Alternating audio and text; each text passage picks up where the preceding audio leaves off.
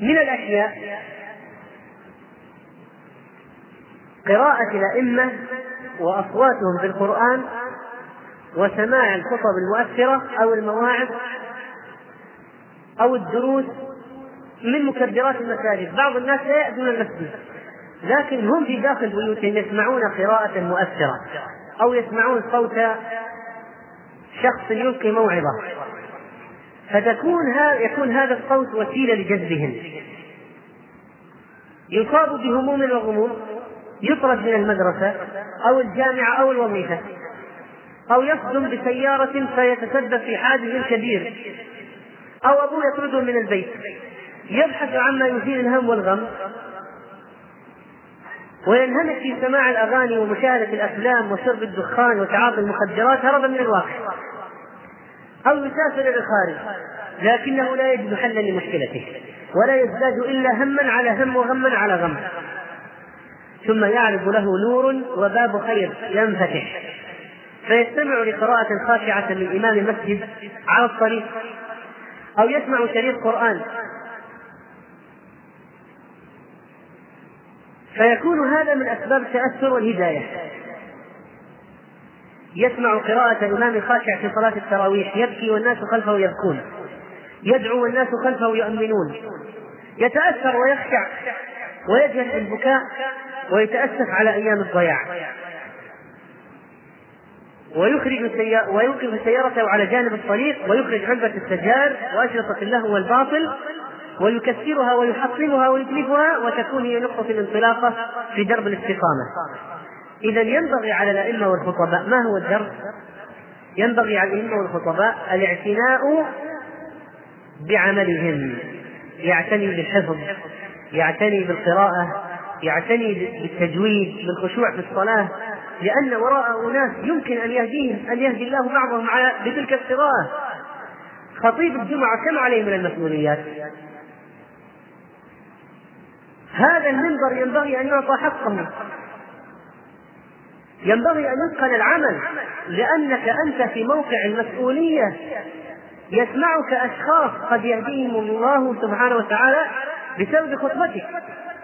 فما أشد تقصير الخطيب الذي لا يحضر الخطبة والإمام الذي لا يهتم بالإمامة ويغيب عن المسجد. ولا يهتم بالحفظ فيكرر عليهم دائما آيات ربما لا تقع منهم موقعا. لما يرونه من عدم حفظ لما يرون من عدم حفظ إمامهم. فهذه من الأمور التي ينبغي الاعتناء بها. الهداية تكون أحيانا نتيجة هذا عامل آخر آخر من العوامل. نتيجة لصلابة المواقف أحد الناس يتوب إلى الله وهو يرى مسلما يعذب ويموت شهيدا ثابتا عن الحق. فيؤثر هذا في نفسه. رجل يتقدم لخطبة فتاة ولكنها ترفضه لأنها مصرة على رجل ملتزم فهنا يحدث في نفسه شيء لماذا تصر هذه على على رجل ملتزم؟ لماذا ردوني؟ لماذا لا أكون ملتزما؟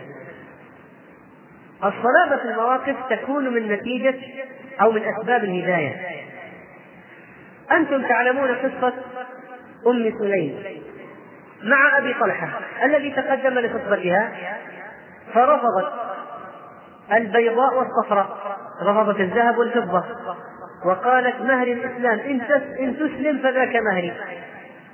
ما في امرأة كانت أشد أكثر بركة في زواجها وفي مهرها من هذه المرأة رضي الله عنها. فكان كان تصميمها على موقفها وصلابتها في الحق وتأكيدها عليه هو سبب إسلام أبي طلحة لأنه ذهب وأسلم بعد هذا الموقف.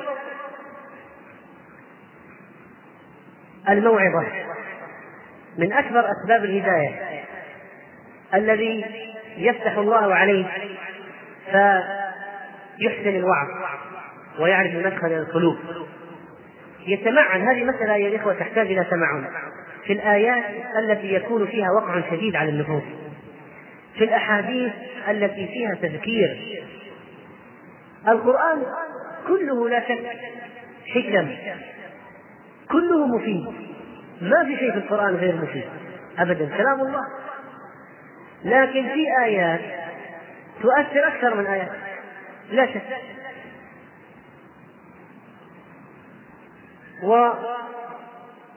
والآيات التي فيها مثلا ذكر الجنة والنار أو موقف الحساب تؤثر.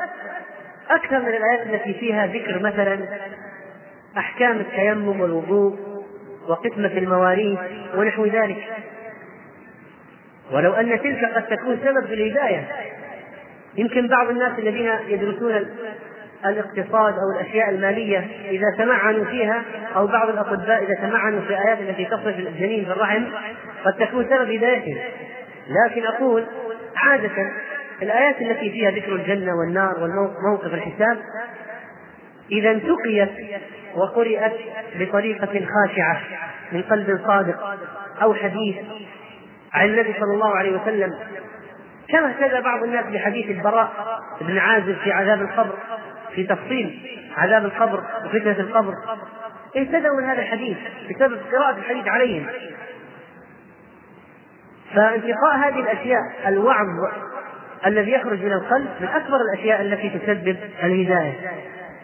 ولذلك من الأشياء التي من النوادر التي يذكرونها عن بعض الناس الذين لا يفهمون أنه قرأت عليه آيات كثيرة في بعضها ذكر الجنة والنار وأشياء ما تحرك. ولما قرأ قارئ ويسألونك عن المحيط قل هو أذى؟ قعد يبكي قال يعني أذى. طيب فإذا بعض الناس عندهم خلل في الفهم. ولذلك انتقال أشياء لهم انتقال أشياء لهم مهم. وفي بعض الأحيان يتأثر الأعاجم من تلاوة آيات القرآن مع أنهم لا يعرفون العربية. هذا من هذا من تأثير القرآن ومن عظمته. ذكر أحد الدعاة الله سبحانه وتعالى أنه سافر مرة على باخرة من مصر إلى نيويورك. و الرجل هذا لم يكن ملتزما بحق لكن فيه خير فيه شيء من المعرفة بالدين والحرص على على الدين مع أنه لم يكن كامل الاستقامه وقتها. قال فخطر قال وكنا مجموعة قريب من عشرين شخص كلنا مسلمون أو في في وسط مئة وكذا من الكفار. قال فخطر ببالي أن نقيم صلاة الجمعة. على ظهر السفينة. وأنا لا لا أتحدث الآن عن حكم إقامة صلاة الجمعة على ظهر السفينة في السفر البحري لا. اروي لكم القصة التي فيها يهمنا العبرة منها. قال فاستأذنا من قبطان السفينة فوافق. وكان في المدينة في السفينة عمال نوبيون مسلمون. فاستأذنا لهم في حضور صلاة الجمعة. معا. فأذن لهم لمن لم يكن مشغولا منهم في نوبته. وفرحوا لأن تلك كانت هي أول مرة يحضرون فيها صلاة الجماعة الجمعة منذ سنين طويلة. قال فاجتمعنا وقمت فيهم خطيبا فخطبت بهم بما تيسر وقرأت بعض آيات القرآن ثم أقمنا الصلاة وصليت بهم صلاة الجمعة. ووقف الركاب الكفار في السفينة أغلبهم يحيطون بنا وينظرون بدهشة إلى ما نفعله. فلما انتهينا من أداء الصلاة جاءوا يهنئوننا على نجاح القداس ظنوا ظنوا المسألة مثل مسائل النصارى من القداس فشرحنا لهم المسألة.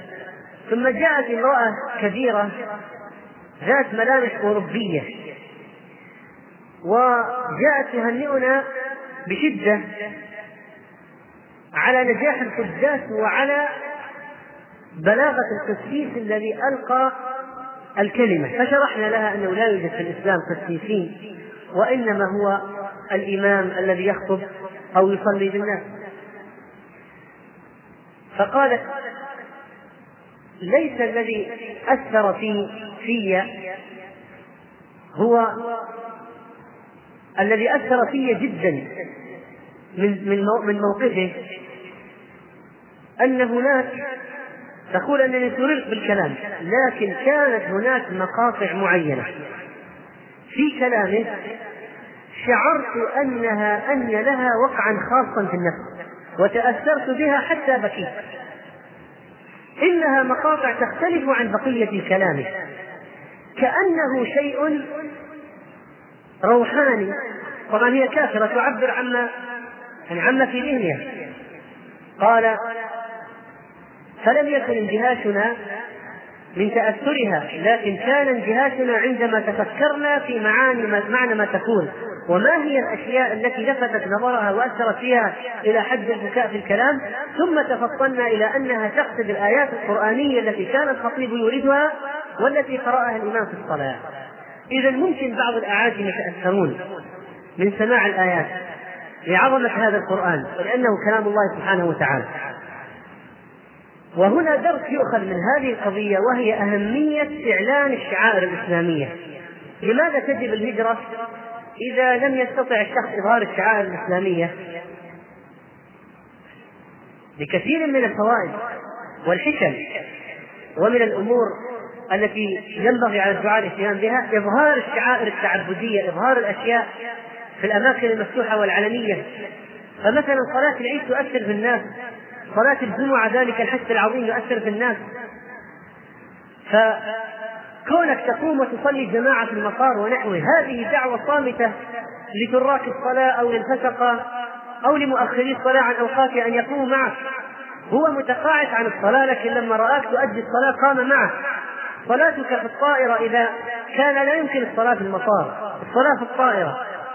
كونك تقوم وتأخذ بطانية من من هذا المخزن في علو السقف وتبسطه على الأرض وتقيم تؤذن وتقيم الصلاة إنك توقظ في إحساس أولئك الركاب القيام للصلاة وأهمية ذلك.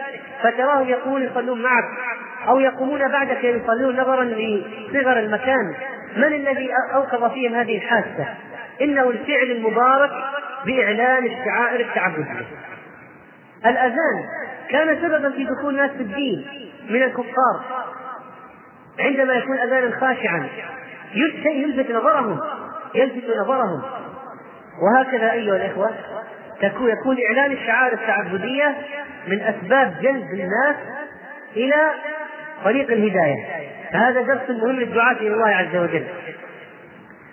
وكذلك من المسائل المهمة إظهار أحكام الشريعة.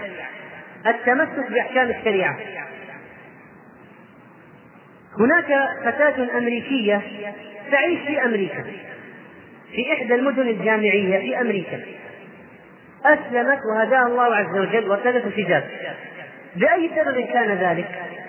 ذكرت أنها كانت تعمل على آلة الحساب في محل المحاسبة. قبض النقود. وأنها كانت ترى بعض النساء يأتين للشراء من المحل وهن في حجاب كامل لا يظهر منهن ولا شيء. وأن هذا المظهر كان منظرا غريبا جدا في ذلك المكان. وفي يوم من الأيام دعت إحداهن وهي تحاسب قالت ما هذا الذي ترتدينه؟ ولماذا ترتدينه؟ فشرحت لها أنها امرأة مسلمة وهي زوجة أحد الطلاب الذين يدرسون في تلك المدينة الجامعية وأنها مسلمة والإسلام يفرض عليها الحجاب والله أوجب الحجاب سترا للمرأة وصيانة لها إلى آخره. فكان كان هذا شيء شيئا قدح في نفس تلك المرأة الكافرة الإعجاب بهذا الدين.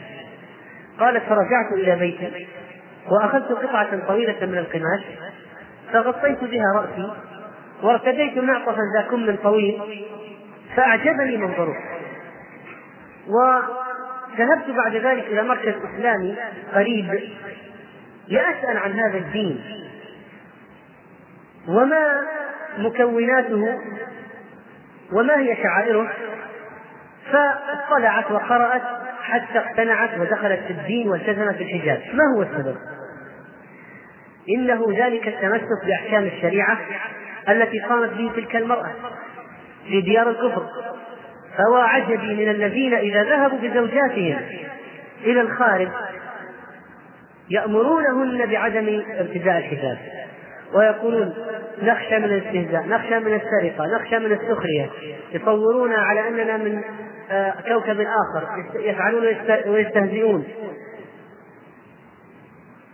الحجاب في تلك البلاد سبب لاهتداء بعض الكافرات وهذا المسلم يأمر زوجته المسلمة أن تخلع الحجاب في الخارج. مع أنهم لا بد أن يناقشوا في سبب ذهابهم إلى تلك البلاد وما مشروعية ذلك. و من أسباب الهداية أيضا أيها الإخوة احتضان الدعاة إلى الله والصالحين احتضانهم للمقصرين كما يحدث لبعض الناس عندما يجاوره رجل صالح سواء يسكن بجانبه في شقة أو فوقه أو تحته في العمارة فيزوره يمر عليه ويذكره بالصلاة ويهديه أشياء نافعة من الكتب والأشرطة الإسلامية. أو يكون الشخص يدخل الجامعة بعض الطلاب يدخلون الجامعة وفيهم تقصير وفيهم فجور فيسكن مع شخص طيب. فهذا الشخص الطيب الداعية من خلال السكن مع هذا الرجل يتأثر به ذلك الشخص ويقتبس منه ويأخذ عنه فيكون سبب هدايته. أو يكون أو تغشاه مجموعة صالحة يحيطون به. الاحتواء والاحتضان. ويزورونه ويكرمونه ويتفقدونه ويخدمونه. أحد الفتقة سافر إلى بلجيكا لزيارة أحد أقربائه الذي كان على علاقة بالمركز الإسلامي هناك. وخرج من الوسط التعيس الذي هو فيه إلى وسط جديد. أحاطوا به في بلاد الغربة. مسلمون يعيشون هناك. من الأقليات الإسلامية. ارتاح إليهم وأحبهم وكانوا سبب هدايته. فنؤكد إذا أن قضية الاحتواء والاحتضان من أكبر الأسباب المعينة على الهداية. وأحيانا تحدث الهداية من نصيحة من شخص أصغر من هذا المقصر أو الفاسد وأضعف فيرفض فيحدث التأثر من الصغير للرفض فيتأثر الكبير. كما حصل لبعض الأشخاص الذي ذهب في سفر ومعه أخواته وأدخل شريط الموسيقى في السيارة والغناء وهو يستمع. فنهرته أخته الملتزمة فلم ينتهي فأعادت عليه فسخر منها. تأثرت بموقفه وفي الطريق حدث حادث وماتت هذه الفتاة الملتزمة. بقيت حسرة في نفس أخيها لما رأى المسألة وصلت إلى الموت. وأن هذه الفتاة أخته ماتت وفي قلبها حسرة لما لم يطعها ولم يستجب لطلبها كانت تلك الحادثة سبب هدايته. وآخر كان عنده أخ صغير يعلم بحكم الغناء. وأركب معه أخاه الصغير في مشوار وأدخل الشريط يستمع إليه. أخوه الصغير قال علمونا أنه حرام. قال بس اسكت أنت ما تفهم. فأعاد عليه. قال هذا حرام لا يجوز. فاستهزأ به وسخر به وبعد ذلك هدده قال إذا ما سكت سأقف وأنزلك على قارعة الطريق وأمشي. إن هذه الكلمات الجارحة جعلت الولد هذا الصغير يسكت. لكن كان سكوته بحرقة. أنتجت دمعة سقطت على خده. فرأى أخوه الكبير هذه الدمعة. فكانت هذه الدمعة هي سبب هدايته لما رأى كيف أن أخاه الأصغر صار عنده حرقة ألم للرفض حتى أدى به ذلك إلى دمع العينين. إلى البكاء عرف تقصيره وعرف خطأه. فالمهم أن ننصح ولو كان المنصوح أكبر وأعلى في الدنيا فإن ولو رد. لكن ربما يكون هذه تكون هذه نقطة لتكون في المستقبل مع غيرها سببا للهداية. من الأمور أيضا والحوادث التي تقع أن يرجع المهتدي إلى أصدقائه القدامى بالنصيحة. ينتقي منهم واحد وراء واحد. ما يرجع ليدخل فيهم وينتكس كما يفعل بعض الناس. مجرد ما يهتدي يعود إلى أصدقاء القدامى ويعاشرهم ويدخل معه يجلس معهم في مناسباتهم. وربما يلعب الورق وربما يسكت على سماع الغناء ويقول هذا تأليف قلوب في سبيل الدعوة. هذه مناسب شيطانية وكلام فارغ. إما أن إما أن يكون المكان مهيأ لك لأن تدعو أو تقول على أقل كلمة الحق وتمشي إذا ما استجابوا وأسكتوا صوت المنكر المنكر أو كفوا عن المنكر. وإلا لا تذهب إليه وتخالطهم على فسقهم وتسكت عن المنكر. إما أن تذهب وتنكر وتتكلم وإذا لم يصغوا لك تمشي أو يقفلون الأشياء ويلتفتون إليك ويجلسون للسماع.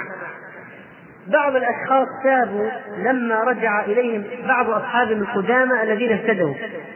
لأن العلاقات السابقة هي جسر حقيقة للمودة والتقبل. لأن مهما كان هذا كان بينك وبينه علاقة. أنت اهتديت وبقي على ضلالك لكن في علاقة سابقة. العلاقة السابقة هذه تكون جسر تعبر أنت عليه. هذا شخص يقول أحكي باختصار شديد قصة توبتي ورجعتي إلى الله. كنت أستعمل المخدرات في فترة مضت ثم حصل حصلت علي بعض النوائب التي لا يحسن ذكرها.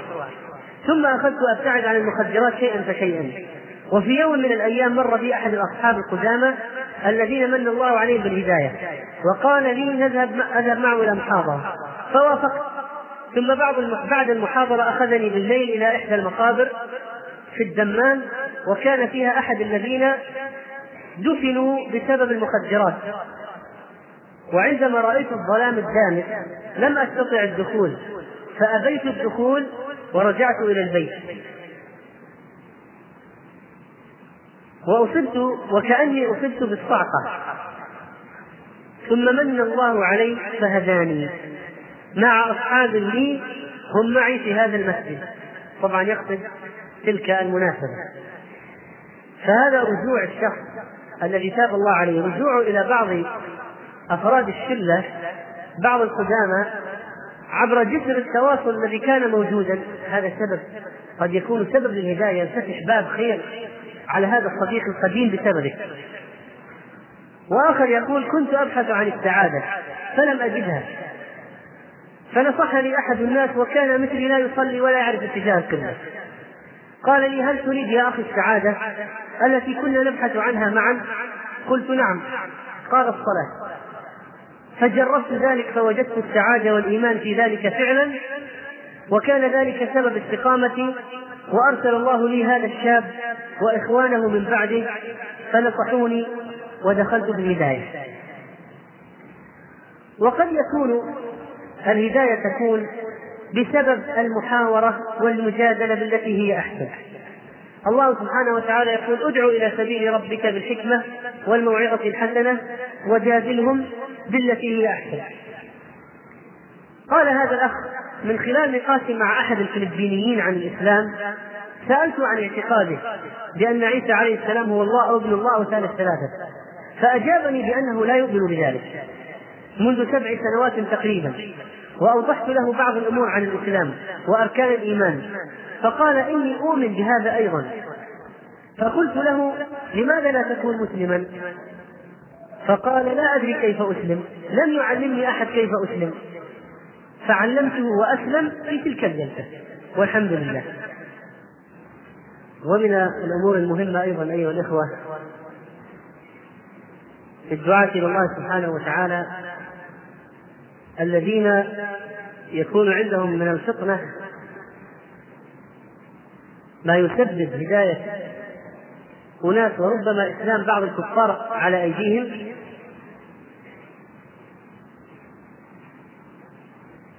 أن يكون أن تكون الدعوة في حال وجود مجموعة من المنحرفين موجهة في البداية إلى قائدهم أو كبيرهم.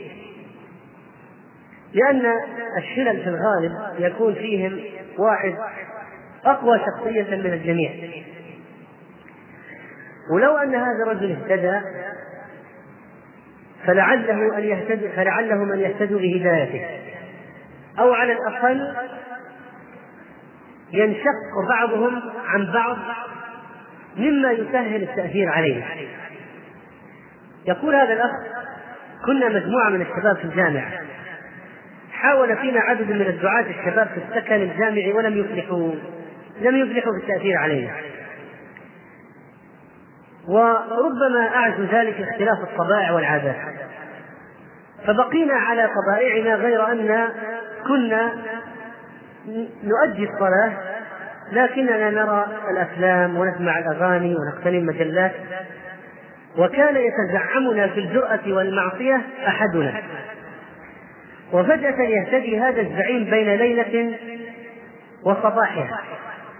فتأثر نصفنا بهذا واجتمعنا على التوبة وانقسمت مجموعتنا إلى قسمين فتوفقنا في دراستنا ولله الحمد وتخرجنا وانسحب النصف الآخر من الجامعة وطردوا بسبب تدني مستواهم الدراسي فالحمد لله على الهداية والتوفيق. إذا يكون التركيز على هذا الرأس من الأمور المهمة. ولو كان عنيدا فلا هذا لا يعني أن يترك البقية. لكن لا بد أن يحسب الداعية هذه الخطوة ويعلم مكانة هذا الشخص للبدء به. النبي صلى الله عليه وسلم كان يركز كثيرا على زعماء القبائل وكان يتألفهم ويكرمهم ويبش في وجوههم وهم كفروا يتألفهم. فإذا هدى الله القائد أو رئيس القبيلة في الغالب تتابعه القبيلة نظرا لطبيعة العلاقة بين زعيم القبيلة وأفراد قبيلته التي كانت موجودة في الأيام الأولى.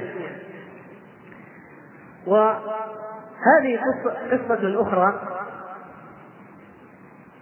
هذه قصة أخرى فيها عبرة وفائدة أيضا في الدعوة إلى الله. اثنان مختصرة جدا. اثنان أو ثلاثة من الفلبينيين. بعدما رأوا اللوحة الخارجية لمركز توعية الجاليات في القصيم بعد صلاة العصر دخلوا وتعلموا وأسلموا بعد صلاة المغرب. يمشون في الشارع يمكن يذهبون إلى حفلة إلى مكان فسق تمشية فلبينيين يمشون في الشارع. سبب الهداية رؤية اللوحة. لوحة مركز توعية الجاليات. بعد صلاة العصر دخلوا أسلموا بعد المغرب. إذا الدرس هو أهمية الإعلان عن أماكن مراكز الدعوة والأعمال الإسلامية. أيها الإخوة إذا كان التجار وأصحاب المحلات التجارية يعملون الدعايات والإعلانات لمراكزهم التجارية فإن الإعلان لأماكن التوعية وإعلانات الدروس والمحاضرات يجذب من في قلبه خير أو حب استطلاع على الأقل. يأتي من باب حب الاستطلاع ثم يدخل الله الإيمان في قلبه. ومن الأمور المهمة الإحسان إلى المدعوين. إن الإحسان المدعوين في كثير من الأحيان هو سبب للهداية. يقول هذا الشخص قدمت من مدينة أخرى إلى هذه المدينة للعمل فسكنت مع زملائي في المنطقة الشرقية. فسكنت مع زملائي وكنت يومها لا أصلي إلا يوم الجمعة. وبعد حوالي أسبوع واحد على سكني مع الزملاء هؤلاء وجدتهم يشربون الخمر والحشيش. واليوم الذي لا يوجد فيه هذه الأمور نشتري كولونيا ونشربها وجلسات غناء وما, وما إلى ذلك. وبعدما انتهت نقودي حصل سوء تفاهم بيني وبينهم. وهذا كثير ما يقع بين أهل الفسق والفجور. لا تدوم مودتهم. وأدركت أني أمشي في نفق مظلم فاستاذنتهم فخرجت من عندهم بعدما صار ليس معي سوى عشرة ريالات. فنزلت الشارع في حرارة الشمس لا أعلم إلى أين أتجه. وكنت قد سمعت من والدي الذي هو إمام جامع حديثا في خطبة له قصة الذي يريد التوبة فقيل له اذهب إلى قرية كذا وكذا فإن فيها أناسا صالحين فاذهب. فذهبت أنا إلى منطقة أخرى. حي حي آخر نقل من حي إلى حي آخر أو اتجه إلى الحي الآخر ذهبت مشيا. فجلست أمام دكان عقار قبل أذان العصر وفي أثناء الجلوس مر رجل بسيارته فأوقفها ونزل وقال لي ماذا تريد؟ فقلت أريد صاحب الدكان لأستأجر منه شقة للإيجار وهي كذبة لأنني لا أعلم ماذا أفعل وليس عندي نقود أصلا. فقال لي معك أحد؟ قلت لا. قال اركب. قلت إلى أين؟ قال لي عندي غرفة مع حمام ومطبخ في بيتي كانت للسائق فخذها واسكن فيها. فقلت ليس لدي مال. قال لا. فذهبت ووجدتها كما قال وقال لي هذا البيت وهذا المسجد أمامك. فنمت إلى صلاة المغرب وعند الأذان قمت فصليت في المسجد. فبدأت حياتي من تلك اللحظة بالتحسن وأسأل الله الثبات فيما بقي. فإذا الإحسان المادي الناس بعض الفسقة يكون عندهم حاجة يكون محتاجين. فلا شك أن مساعدتهم من أسباب هدايتهم وقد تكون الهداية من التأثر تأثر بصدق الداعية.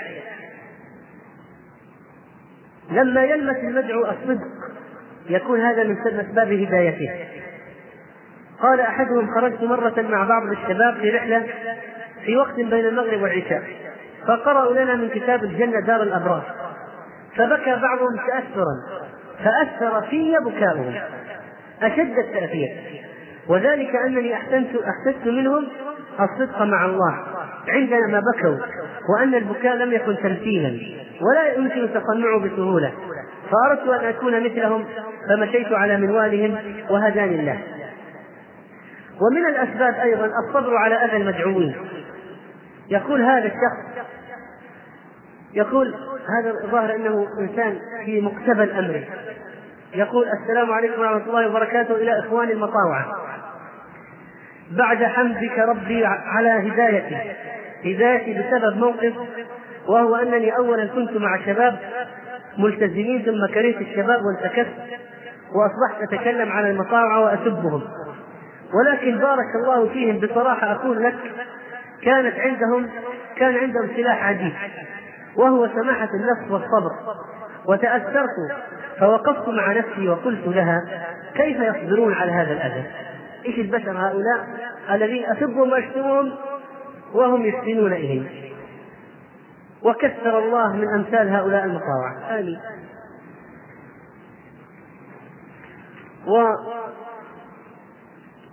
والمسامحة في الحقوق الشخصية إذا أخطأ عليك أحد هؤلاء أيضا هو يكون سببا لتأثره. قال هذا الرجل سبب توبتي أنني كنت في عام تسعين وكانت سرقة صيغ السيارات وبالذات الكريسيدا موديل 90 منتشرة. فكنت أنا وواحد من رفاق السوق وكان معنا سيارة من نوع كريسيدا فشاهدنا سيارة موديل 81 فشاهدنا سيارة 90 فوسوس الشيطان بنا فسرقنا الصيغ وإذا بالعصر يؤذن. شوف ترى الأذان. سبحان الله. فعدت إلى البيت وندمت وتوضأت وصليت العصر وعدت إلى مالك السيارة ورددت الطيس وكان سبب توبتي عندما رحب بي ودعاني إلى بيته وكان بعد ذلك من أحسن أصدقائي.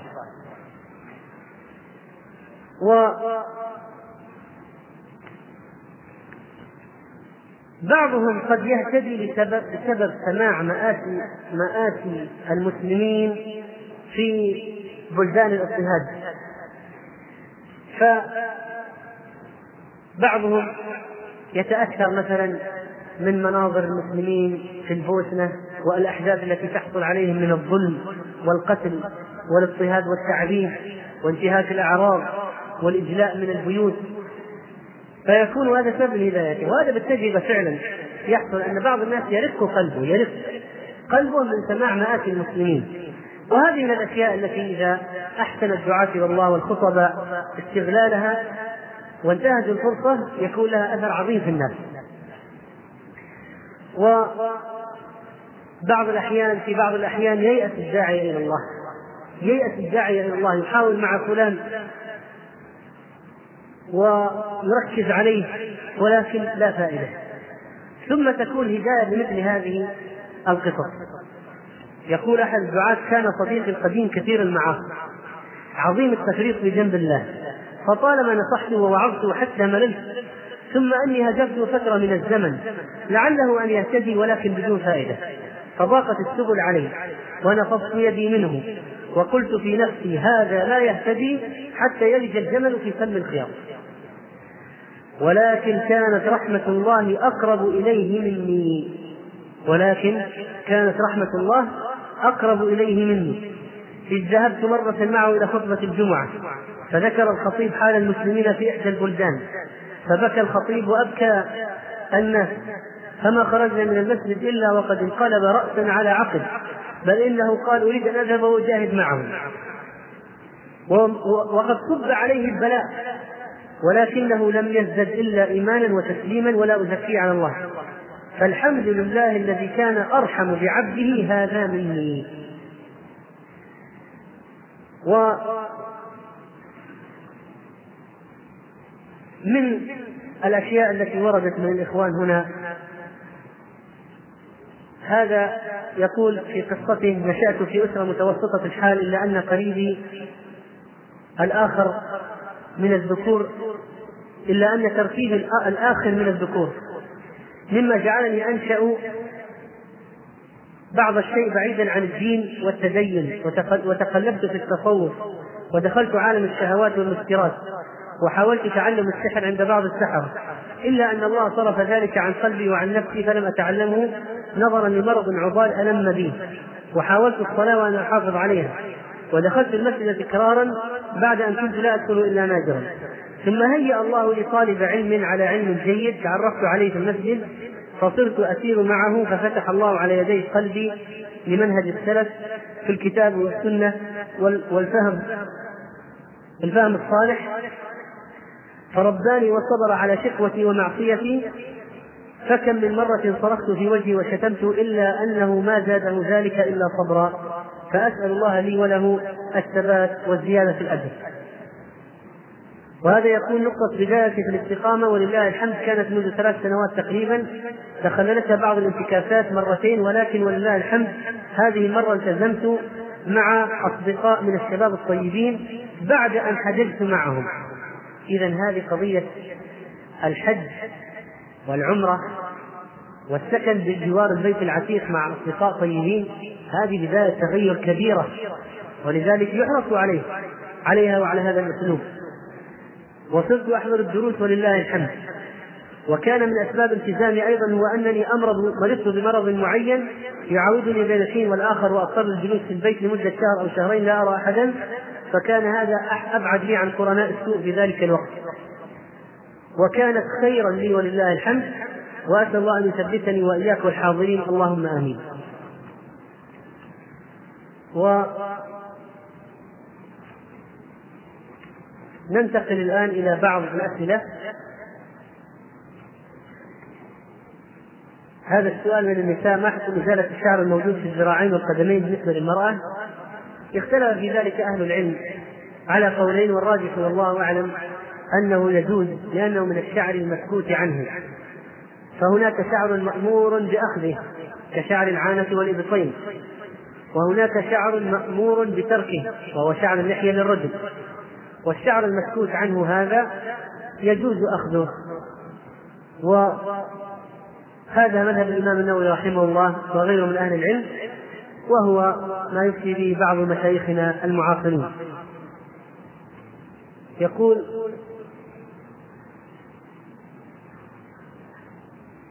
أفطرت يوما في رمضان بسبب المباشرة دون الجماع فما الحكم؟ الجواب على هذا السائل التوبة إلى الله سبحانه وتعالى. وقضاء هذا اليوم فقط. لا يلزم أكثر من ذلك. لأنه لم يحصل الجماع الذي هو أسوأ المفطرات على الإطلاق. وهذا سؤال من النساء أيضا.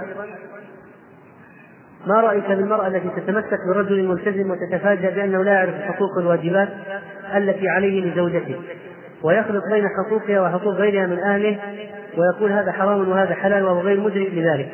هذا من جهله. إذا كانت صدقت فيما أخبرت به فهذا من جهله. فلذلك ننصح الشباب وكنت ألقيت آخر محاضرة قبل أن آتي إليكم بعنوان الشاب المسلم على عتبة الزواج.